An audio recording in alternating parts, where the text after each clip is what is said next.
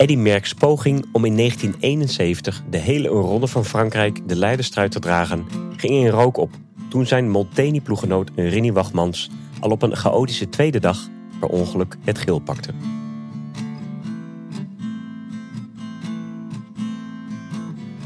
Welkom bij een nieuwe aflevering van Chronieken. Een podcast met historische wielerverhalen van Eurosport. Vandaag gaan we terug naar de Tour de France, waarin Merckx tot het uiterste moest gaan om Luis Ocaña van zich af te houden. Maar hij plots uit onverwachte hoek aangevallen werd.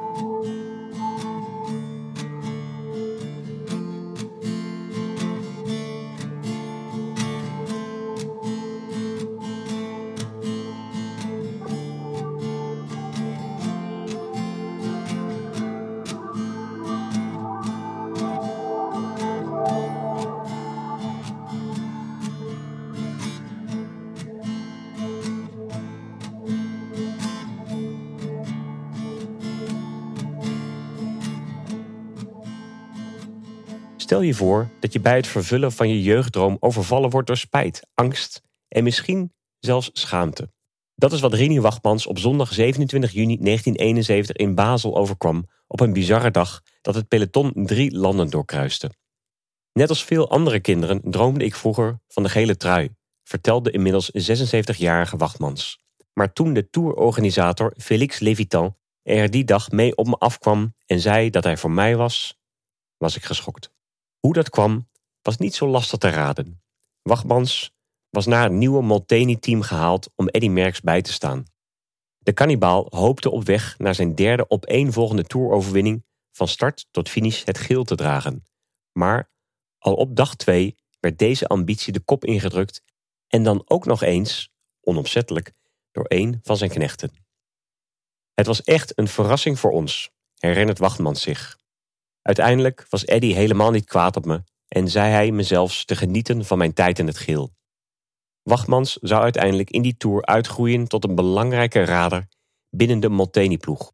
En dat was maar goed ook, want de ploeg moest het nodige doorstaan om Merckx aan zijn derde eindzege te helpen. In een editie die volgens de kannibaals biograaf William Fotheringham tegenwoordig vooral herinnerd wordt om één dag. De Alpenetappe van Orchière naar Merlet.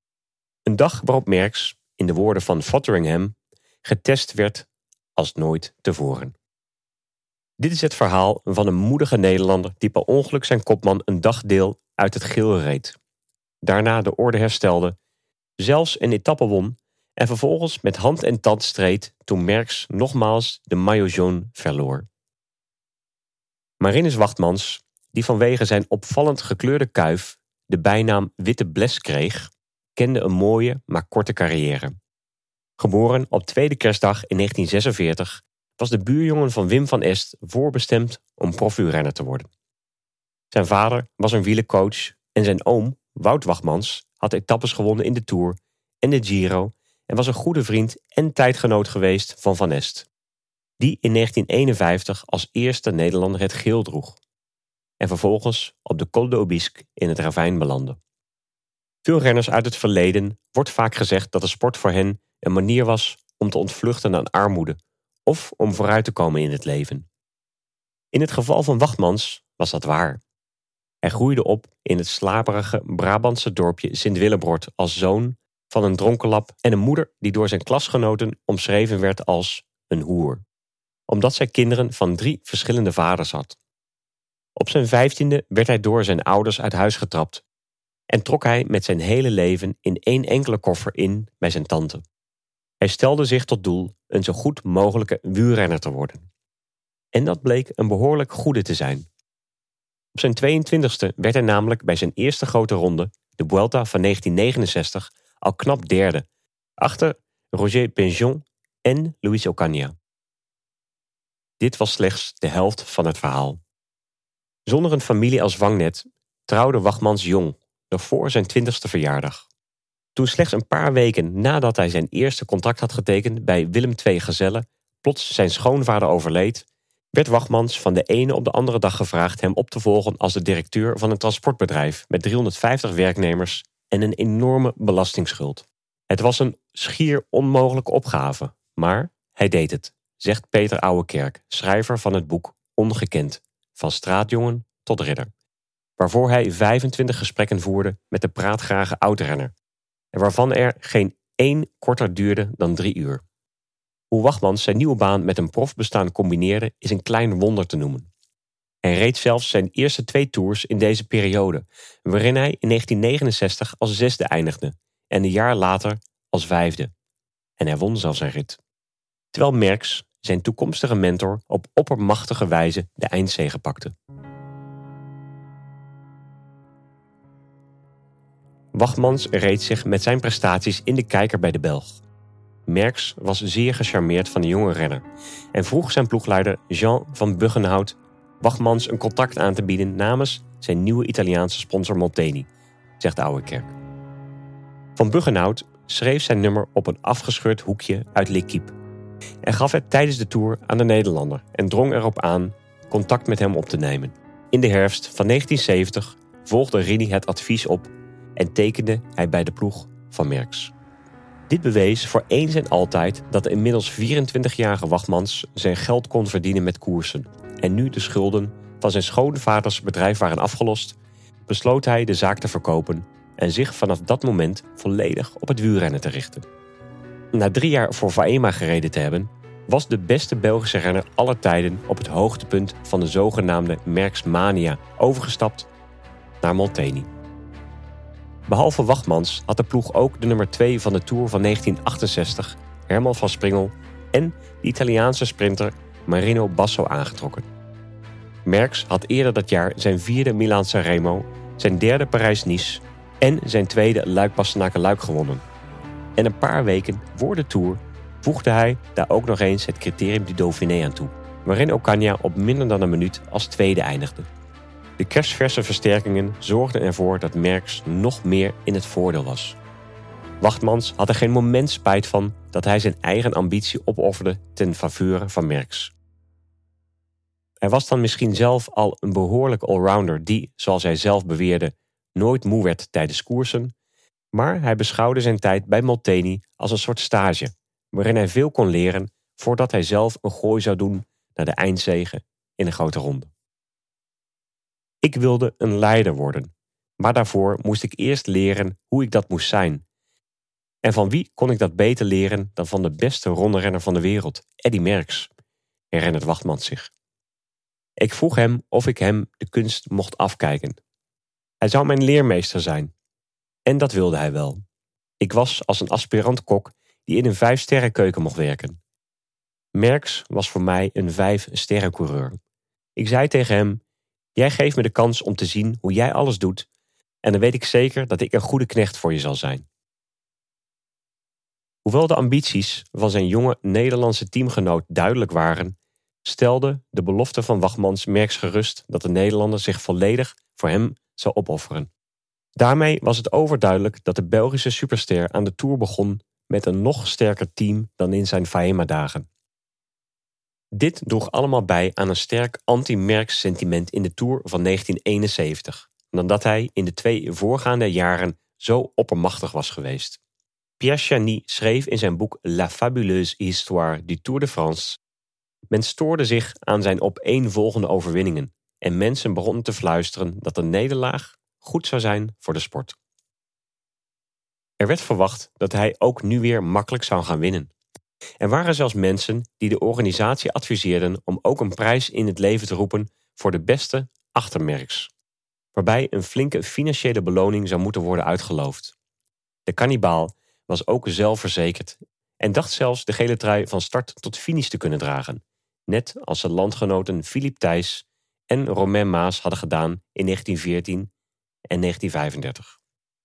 Het hielp natuurlijk ook dat de ronde begon met een ploegentijdrit waarvoor de Molteni-ploeg de uitgesproken favoriet was.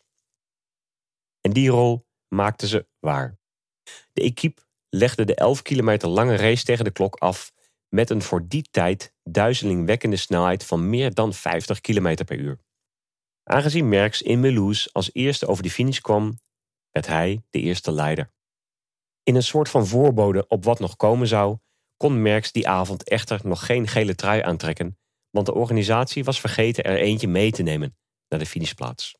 In 1965 werden L'Équipe en Le Parisien Libéré overgenomen door Omery Sport Organisation, dat nog altijd de Tour de France organiseert. De kranten voelden in 1971 de gevolgen van een economische recessie, wat betekende dat er slechts 13 teams van 10 renners mee konden doen. In een poging meer geld binnen te halen van start- en finishplaatsen werd besloten om de openingsetappe in drie delen op te splitsen. Zo kon het gebeuren dat er op één dag drie keer werd gefinished. Eerst in Basel, Zwitserland, daarna in Freiburg, West-Duitsland en uiteindelijk in Mulhouse, Frankrijk. Het was absoluut niet de eerste keer dat de etappes werden opgesplitst. In 1934 was de 21ste van 23 etappes een vlakke rit van 81 kilometer, waarna later op de dag een eerste individuele tijdrit uit de geschiedenis van de Tour werd verreden. Gele truidrager Antonin Magnier won deze voor Roger Lapébie, waarmee de koers, die al sinds de tweede dag werd aangevoerd door Magnier, in een definitieve plooi kwam te liggen. Henri de Grange was ervan overtuigd dat het experiment geslaagd was, en vanaf dat moment vormden de opgesplitste etappes en de individuele tijdrit vaste onderdelen van de Ronde van Frankrijk. Auteur Christopher Thompson schrijft in zijn boek Tour de France: Hierdoor kon de organisatie de Tour naar meer dorpen en steden brengen, wat zorgde voor meer drama en meer potentiële winnaars, en dus ook voor meer volgers en meer opbrengsten. Het is belangrijk om op te merken dat deze gesplitste etappes niet altijd kort waren. In 1935 volgde een 58 kilometer lange etappe 5B op een loodzware etappe 5A van 262 kilometer, waarmee de renners verdeeld over drie dagen maar liefst 459 kilometer in lijn en 183 kilometer individueel moesten afleggen richting de slotetappe in Parijs. En dat terwijl de omliggende etappes ook niet mals waren, met meer dan 220 kilometer. De opzet werd in 1936 aangepast, waarin vijf ploegentijdritten steeds het tweede deel van een opgesplitste etappe vormden. Het bleef echter een terugkerend fenomeen dat toeschouwers een dubbele etappe voorschotelde, de organisatie meer inkomsten bracht en de krant Lotto en haar opvolgers extra kopij opleverde. De enigen die er niet zo enthousiast van werden waren natuurlijk de renners. Voor wie het niet alleen meer kilometers betekende, maar ook meer stress. Bovendien brak het een ritme op, zorgde het voor meer plichtplegingen in de gaststeden en moesten ze vroeger starten en vaak later finishen dan gebruikelijk. De Tour de France van 1970 kende vijf opgesplitste etappes, tot ergernis van de renners. En voor de tweede editie op rij geen enkele rustdag. Als gevolg van protesten werden de regels een jaar later aangepast, waarbij de maximaal toegestane lengte van etappes werd ingekort. Het aantal ervan werd teruggebracht tot 20 en rustdagen verplicht werden.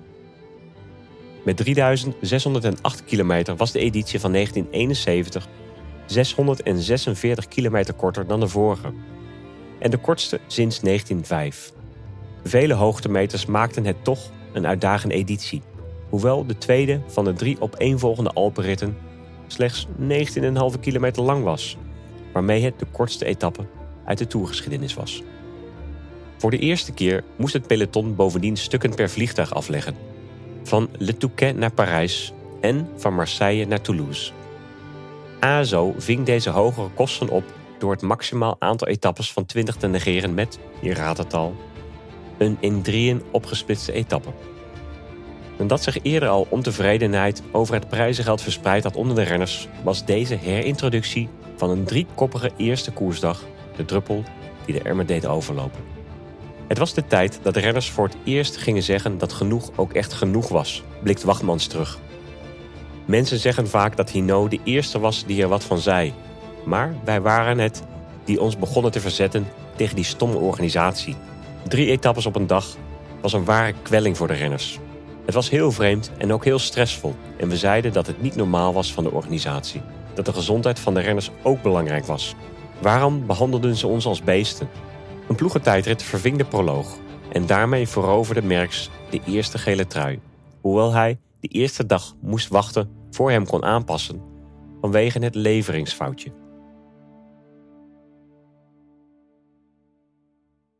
De eindtijden van de proloog werden vastgesteld door de tijden van de eerste vijf renners van ieder team bij elkaar op te tellen. Dit was puur om te achterhalen wie de eerste etappe gewonnen had, want de verschillen telden niet mee voor het algemeen klassement. Wat maar goed ook was voor merksrivaal Ocaña, want diens big team verloor meer dan twee minuten op die 11 kilometer richting Melouse. Alleen bonificatieseconden telden voor het klassement en een overwinning bezorgde alle renners van Monteni een voorsprong van 20 seconden. Drie renners van de nummer 2, Ferretti, en zes van de nummer 3, Flandria Mars, kregen respectievelijk 10 en 5 seconden voorgift. Etappe 1a was een 59,5 kilometer lange rit voorbij de Zwitserse grens richting Basel, waarvoor de renners bijna bij het krieken van de dag van start moesten gaan om het uitgebreide programma op één dag te kunnen afwerken. Ondanks de beperkte lengte van de etappe besloten de renners om voor het eerst in de geschiedenis van de Tour de afstand uit protest stapvoets af te leggen, waarbij Wachmans een belangrijke leidersrol vervulde. De kern van de discussie was het verschil tussen het prijzengeld voor de winnaar ten opzichte van de volgende 19 renners.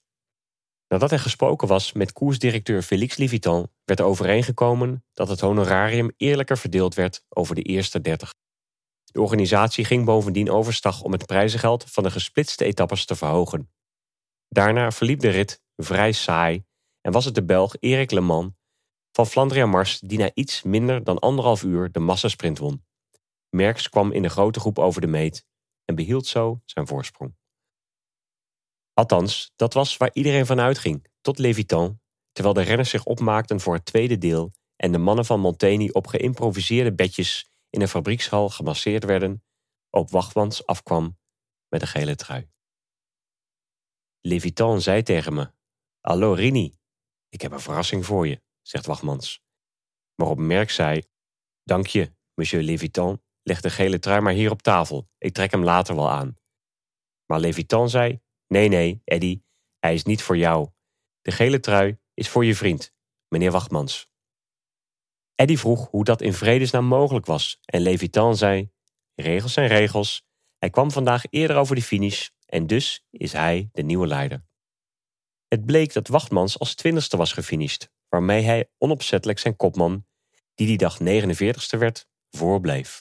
Omdat alle Molteni-renners dezelfde tijd hadden gehad, kwam het nu aan op de beste man van de dag. En zo zag de Nederlander op de meest anticlimactische manier zijn jeugddroom in vervulling gaan.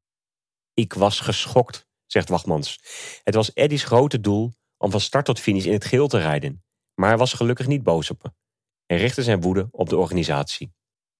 Volgens zijn biograaf Ouwerkerk ging Wachtmans desondanks door het stof bij zijn kopman. Het is ongelooflijk, Eddy, zou hij gezegd hebben.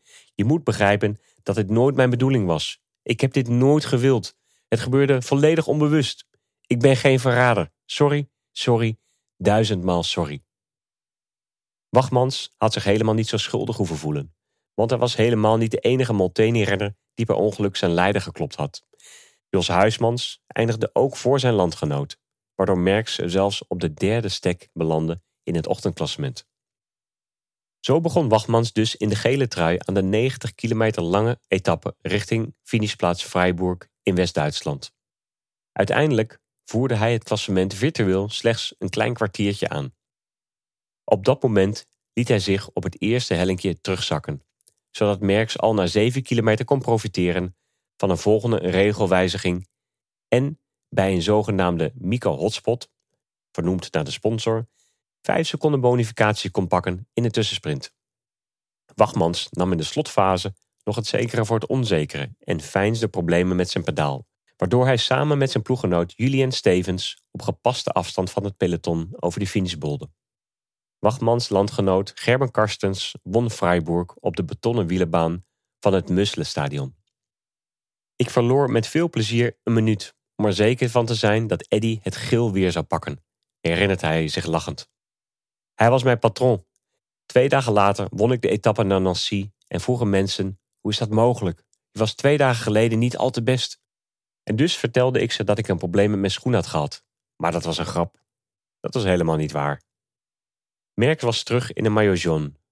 Toen de renners opstapten voor het derde deel van 74,5 kilometer terug naar Frankrijk.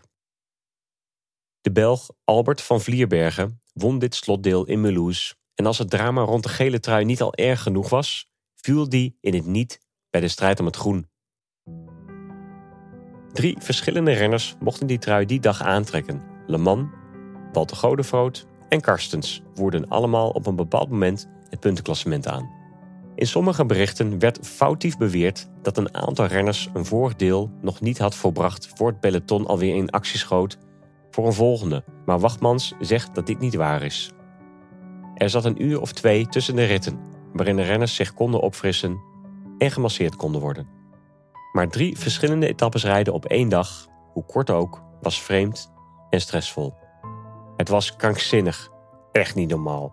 Alsof je op Wimbledon Nadal gaat vertellen dat hij niet één, maar drie partijen moet gaan spelen.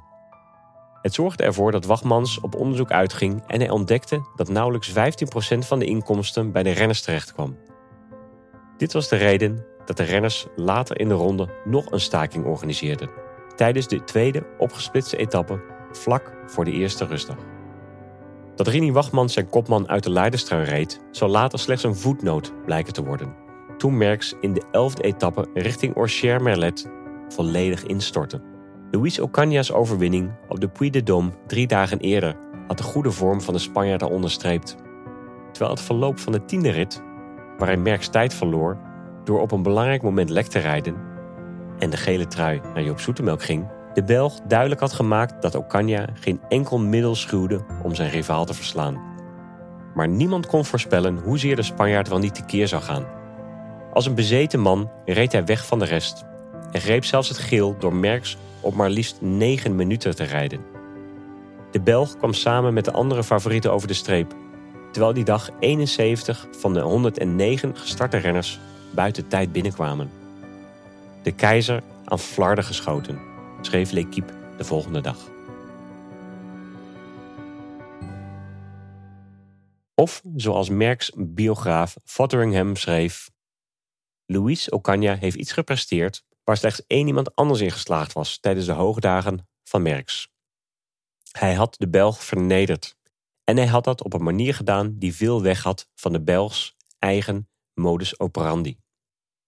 Met Merckx op bijna 10 minuten achterstand ging er een gerucht dat hij zou opgeven vanwege een rugblessure. Maar niets was minder waar. Hij liet een nieuwe fiets overkomen vanuit België en trok er op de rustdag met een aantal teamgenoten op uit voor een intense trainingsrit. Vervolgens stelden de Molteni-renners een plan op om de koers op zijn kop te zetten. Het was mijn idee. 100%, zegt Wachmans over de volgende etappe naar Marseille, waarin dat ook daadwerkelijk gebeurde.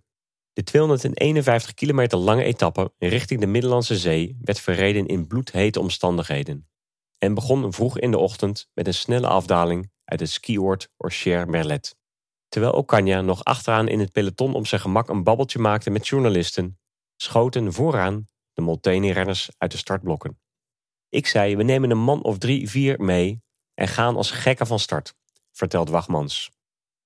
Ik overtuigde drie, vier renners van andere teams om ook mee te rijden. Dus in totaal waren we met een man of zeven en we besloten vanaf de eerste seconde volle bak te gaan. En dat is precies wat we deden. Een handvol andere renners voegde zich ook nog bij hen, waardoor een kopgroep van twaalf man ontstond. Waarachter Ocaña, die deze overgangsetappe nauwelijks een paar minuten eerder een formaliteit had genoemd, verwoed probeerde om in de gevaarlijke afdaling zijn achterstand goed te maken. De grote gangmaker in die vlucht was Wachmans, die tot de beste dalers van het peloton behoorde. Terwijl zij vol bleven doorrijden, kreeg Wachmans gezelschap van teamgenoten Huismans en Stevens. Door de onverwachte actie brak het peloton, waarna een valpartij Ocaña en zijn big teamgenoten verder ophield. In het dal bleef er flink doorgereden worden, waardoor Merckx en zijn mannen uiteindelijk anderhalf uur voor op het snelste tijdschema Marseille binnenreden. De Italiaan Luciano Armani zou de Belg kloppen in de sprint, maar er waren nog helemaal geen toeschouwers op de been om er getuige van te zijn en ook de opbouwwerkzaamheden rond de finish waren nog niet eens afgerond toen deze eerste groep al finishte. Zelfs de televisie miste het slot, omdat de rit met de hoogste gemiddelde snelheid ooit een duizelingwekkende 45,351 km per uur gemiddeld was afgelegd. De burgemeester van Marseille was er zo ontstemd over dat hij zwoer dat hij de Tour de rest van zijn leven niet meer door zijn stad zou laten rijden. Weer kwamen er 51 renners, waaronder vier van Molteni, buiten tijd binnen en moesten zij door de jury teruggezet worden. En hoe verging het Ocania? Na wat Fotheringham waarschijnlijk de langste en meest dramatische achtervolging uit de tourhistorie noemde, verloor de Spanjaard maar iets minder dan twee minuten. Hoewel zijn voorsprong nog steeds een comfortabele 7 minuten en 34 seconden bedroeg, had Ocania aan de Franse Riviera een flinke mentale en fysieke opdoffer te verwerken gekregen. Het gat was slechts twee minuten, zegt Wachmans. Maar het is net als in boksen, waarin een van de boksers tegen de grond gaat en de scheidsrechter tot tien moet tellen en er pas mag stoppen als een vechter zijn handen in de lucht steekt en laat zien dat het goed met hem gaat. Nou, Ocania was tegen de grond gegaan. Hij lag in Marseille op het canvas. Ik keek naar hem en hij zag helemaal geel. Hij was helemaal van de wereld. Je hebt misschien niet veel tijd gepakt, zei ik tegen Merks, maar je gaat hem wel winnen, want Ocania, die is eraan. Dat zou een accurate voorspelling blijken. Twee dagen later won Merks de tijdrit naar Albi en de volgende dag gaf een uitgeputte Ocania op. In apocalyptische omstandigheden had Merks Wachmans opdracht gegeven de Spanjaard onder druk te zetten met een aanval op de Col de Manté, de tweede klim van de dag. Het was gevaarlijk weer, herinnert Wachtmans zich. Het kwam met bakken uit de hemel en het leek wel oorlog. In wielrennen is het belangrijk om in te schatten of je rivaal goede benen heeft of niet. En Merks zag dat het niet goed ging met Ocania en dus stuurde hij mij vooruit. Kort na de top gingen Merks en Ocania samen onderuit, toen zij te hard door een natte bocht gingen. Ocania werd daarna door een tegemoetkomende renner aangereden, terwijl hij midden op de weg probeerde op te krabbelen en vervolgens nog een keer, toen hij in de berm op een reservewiel stond te wachten. In een koers zie je het wanneer de krachten bij iemand wegcijpelen, gaat Wachtmans verder. En Ocania was die dag zo moe dat we wisten dat hij het nooit zou redden. Het was zo'n dag dat hij niet alleen verloor, maar echt alles verloor. Half bewusteloos en met ademnood werd de man in het geel naar het ziekenhuis gebracht. Ocanja's tour zat daarop. Ondertussen had Merckx dus weer het geel. Drie dagen later won hij ook in Bordeaux en in Parijs vervolmaakte hij zijn comeback. In die afsluitende tijdrit eindigden vijf Molteni-renners in de top 7, met een knappe derde plek voor Wachtmans. Nadat hij steviger was uitgedaagd dan ooit, won de kannibaal uiteindelijk zijn derde tour met bijna 10 minuten voorsprong op Joop Zoetemelk. Wachtmans was als knecht zijn gewicht in goud waard geweest. De gesplitste etappes bleven een vaak aangevochten onderdeel van de Tour de France, tot Bernard Hinault, Merckx opvolger als patroon van het peloton, in 1978 een protest aanvoerde. Waarna een bijna komisch verlopen rit van Valence naar Angers met terugwerkende kracht werd geschrapt, omdat de renners uiteindelijk wandelend over de streep kwamen. Echt als een verrassing kwam die opstand niet. Een dag eerder hadden de renners de Tourmalet en de Col d'Aspin moeten beklimmen alvorens ze finishen op de Pla d'Adet, waarna een lange reis volgde richting Tarbes en de renners pas rond middernacht op bed lagen, waarna ze wel weer geacht werden om vijf uur op te staan voor het eerste deel van die opgesplitste etappe. Hino, de Franse kampioen die kort daarvoor de Vuelta had gewonnen, toonde zijn strijdvaardige karakter door het voortouw te nemen in de strijd tegen de oneerlijke eisen die door de jaren heen door de organisatoren aan de renners gesteld waren. Het was de man die ook wel de Das werd genoemd, die later die maand de eerste van zijn vijf toerzegers boekte, die op het laatste rechte eind als eerste afstapte en vervolgens met typisch Franse schouderophalingen de renners naar de finish leidde en daar een pose aannam die Napoleon niet misstaan zou hebben. Het zou toch nog meer dan tien jaar duren voor het fenomeen definitief geschrapt zou worden. De gekrenkte burgemeester van Marseille, Gaston Defer, hield woord. 18 jaar lang zou de Tour de France niet welkom zijn in Marseille, totdat het circus in 1989, drie jaar na de dood van Defer, alsnog terugkeerde. Rini Wachmans zou nooit meer de gele trui dragen. In 1972 maakte hij de overstap naar het Nederlandse Goudsmidhof. En dat jaar won hij ook zijn derde en laatste toeretappe, want niet veel later door een hartprobleem in hem al na vijf profjaren te stoppen met zijn wielercarrière. Hij was pas 26 jaar oud. Wachmans zou daarna een verdienstelijk wielercoach, politicus en succesvol zakenman worden. Zo richtte hij onder meer het sportmerk Rogelli op. Hij werd bovendien consul honorair van Kazachstan en diende als adviseur van Astana, dat hij mee hielp oprichten. Ik was niet boos of teleurgesteld dat ik moest stoppen, geeft hij toe. Ik wist dat wielrennen niet het enige op de wereld was. Veel renners belanden na het stoppen in een zwart gat. Ze weten hun weg niet te vinden. Maar ik wist dat ik van nature een zakenman was. Als geen van de 2 miljard Chinezen mijn naam kent, is het niet zo erg dat ik moest stoppen. Wachmans heeft er ook geen spijt van dat hij, wat achteraf zijn beste jaar bleek te zijn, in dienst reed van Merks. Ik vloog dat jaar. Ik heb nooit beter gereden, vertelde hij zijn biograaf Ouwerkerk. Waarom werd ik dan pas 16 in de Tour? Terwijl ik al eens vijfde en zesde was geworden. Omdat ik Merks knecht was natuurlijk. Ik had elke dag kunnen aanvallen als ik dat wilde. Maar dat mocht ik niet. Die derde plaats in de afsluitende tijdrit bewijst wel hoe goed ik toen was. Zou Wachtmans, die naar eigen zeggende 7 kilo afviel tijdens een grote ronde, Merks hebben kunnen verslaan als hij niet zo vroeg had moeten stoppen? Merks niet, maar Thévenet en Van Impe wel, zegt hij. Ze hebben allebei de Tour gewonnen, maar ik weet zeker dat ik van hetzelfde niveau was. Ik was nooit bang voor de jongens, snap je? Merks was de beste aller tijden. Niemand kon hem verslaan. Misschien één keer, maar niet een hele ronde. Hoewel hij destijds een van de nagels aan zijn doodskist was, hield Wachmans altijd goed contact met Ocaña, met wie hij in die zomer in aanloop naar de Tour veel getraind had. Ik ken elke dag uit de carrière van Ocaña, zegt Wachmans vol trots. We waren heel close, ook na die Tour. Hij zei eens tegen me, Rini, ooit win ik de Tour. Dat weet ik ook zeker, reageerde ik. Hij was een goede vriend van me. Ze hadden allebei gelijk. In 1973, in afwezigheid van Merckx, won de Spanjaard eindelijk de Ronde van Frankrijk. 23 jaar later pleegde hij zelfmoord na een lange strijd tegen depressie. Wachmans 2 uur en 29 minuten in het geel is niet de kortste periode als klassementsleider in de Tour. Philippe Gilbert won in 2011 de openingsetappe, maar verloor 20 minuten later met zijn Omega Pharma Lotto-team vervolgens te veel tijd in de ploegentijdrit. Als regionaal politicus was Rini Wachmans in 1978 de drijvende kracht achter het halen van de Tour de France naar zijn woonplaats Sint-Willebrord, wat hem de gelegenheid gaf op de foto te gaan met zijn oom Wout en plaatselijke held Wim van Est.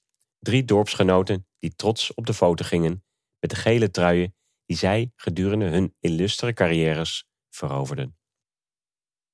Misschien is het wel treffend dat die rit naar Sint-Willebrord er één was van een opgesplitste etappe. Het eerste deel werd in de ochtend verreden van Leiden naar Sint-Willebrord, terwijl de karavaan smiddags weer vertrok naar de Belgische hoofdstad. Een landgenoot was de snelste in Sint-Willebrord. Jan Raas verdedigde daarmee met succes zijn in de proloog in Leiden behaalde gele trui. Het was geweldig om te zien hoe een plaatsje van 9000 inwoners meer dan 100.000 bezoekers op de been kreeg voor een wielenevenement, herinnert Wachmans zich. En daarvoor mag de Tour de France op haar beurt de witte bles en diens per ongeluk verworven gele trui dankbaar zijn.